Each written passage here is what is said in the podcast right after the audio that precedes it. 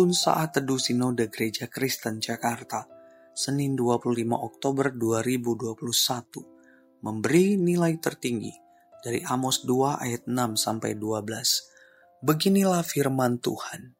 Karena tiga perbuatan jahat Israel, bahkan empat, aku tidak akan menarik kembali keputusanku.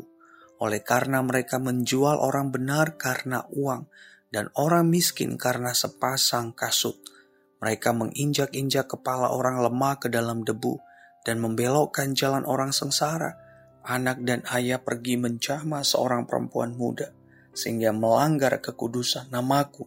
Mereka merebahkan diri di samping setiap mesbah di atas pakaian gadaian orang dan minum anggur orang-orang yang kena denda di rumah Allah mereka.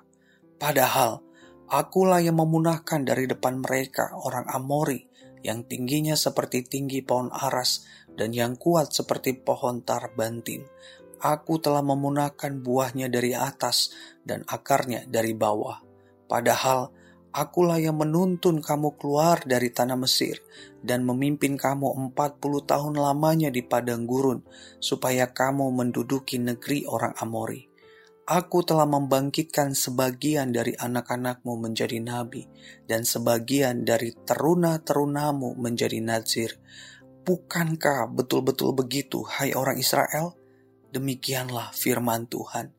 Tetapi kamu memberi orang nazir minum anggur dan memerintahkan kepada para nabi, jangan kamu bernubuat.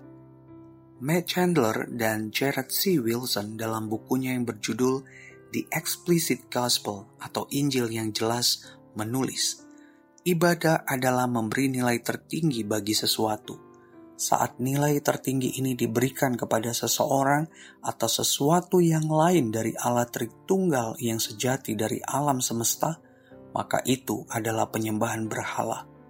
Jadi, dasar dari ibadah Kristen adalah pengakuan, sikap tunduk, dan menikmati keagungan dari kemuliaan Allah di atas segala sesuatu. Saudara, Nabi Amos mengetengahkan bahwa bangsa Israel memberikan nilai tertinggi kepada kejahatan-kejahatan mereka. Hal itu dibuktikan dari tindakan mereka yang melakukan ketidakadilan dan ketidakbenaran kepada sesamanya. Nabi Amos menyampaikan tiga perbuatan jahat Israel, bahkan empat, Maksudnya angka tiga adalah untuk menggambarkan kesempurnaan, namun ternyata ditambah satu lagi, artinya sangat lengkap kejahatan mereka. Mereka mengeksploitasi sesamanya demi uang dan barang. Mereka merendahkan dan menyesatkan sesamanya. Anak dan ayah pergi untuk memperkosa seorang perempuan muda demi memuaskan birahinya. Mereka merampas yang bukan miliknya dan menikmati kemabukan di rumah Allah. Mereka memaksa anak-anak yang diberikan kepada Tuhan untuk minum anggur sehingga mereka tidak perlu menjaga kekudusan hidup. Mereka juga menentang para nabi yang memberitakan khotbah tentang penghakiman Allah, melainkan lebih menyukai khotbah yang menyenangkan telinga. Mereka dengan sengaja melupakan bahwa Allah yang telah menyelamatkan mereka dari serangan bangsa Amori. Mereka mengabaikan bahwa Allah yang telah melepaskan, menuntun leluhur mereka keluar dari perbudakan Mesir, serta yang memimpin mereka 40 tahun lamanya di padang gurun. Mereka tidak peduli bahwa Allah yang telah memanggil anak-anak mereka untuk dipersiapkan menjadi nabi dan pemuda-pemuda mereka dikhususkan untuknya. Saudara, jika hati kita menikmati kedagingan, keduniawian kita di atas segala sesuatu, berarti kita memberi nilai tertinggi kepadanya, maka kita sedang menyembahnya sebagai berhala kita.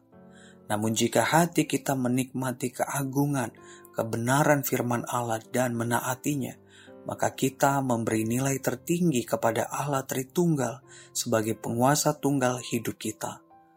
Penebusan Kristus Yesus menuntun kita menjadi penyembah Allah yang memberikan nilai tertinggi hanya kepadanya dan bukan lagi kepada manusia, keinginan daging, dan kenikmatan dunia ini. Hanya Allah di dalam Kristus Yesus yang layak mendapatkan nilai tertinggi dari kita, para penyembahnya. Di luar dia, tidak ada satupun yang layak. Memberikan nilai tertinggi kepada Allah berarti menjadikan Dia sebagai satu-satunya penguasa hidup, bukan yang lain, siapa pun dan apa pun itu. Tuhan Yesus memberkati.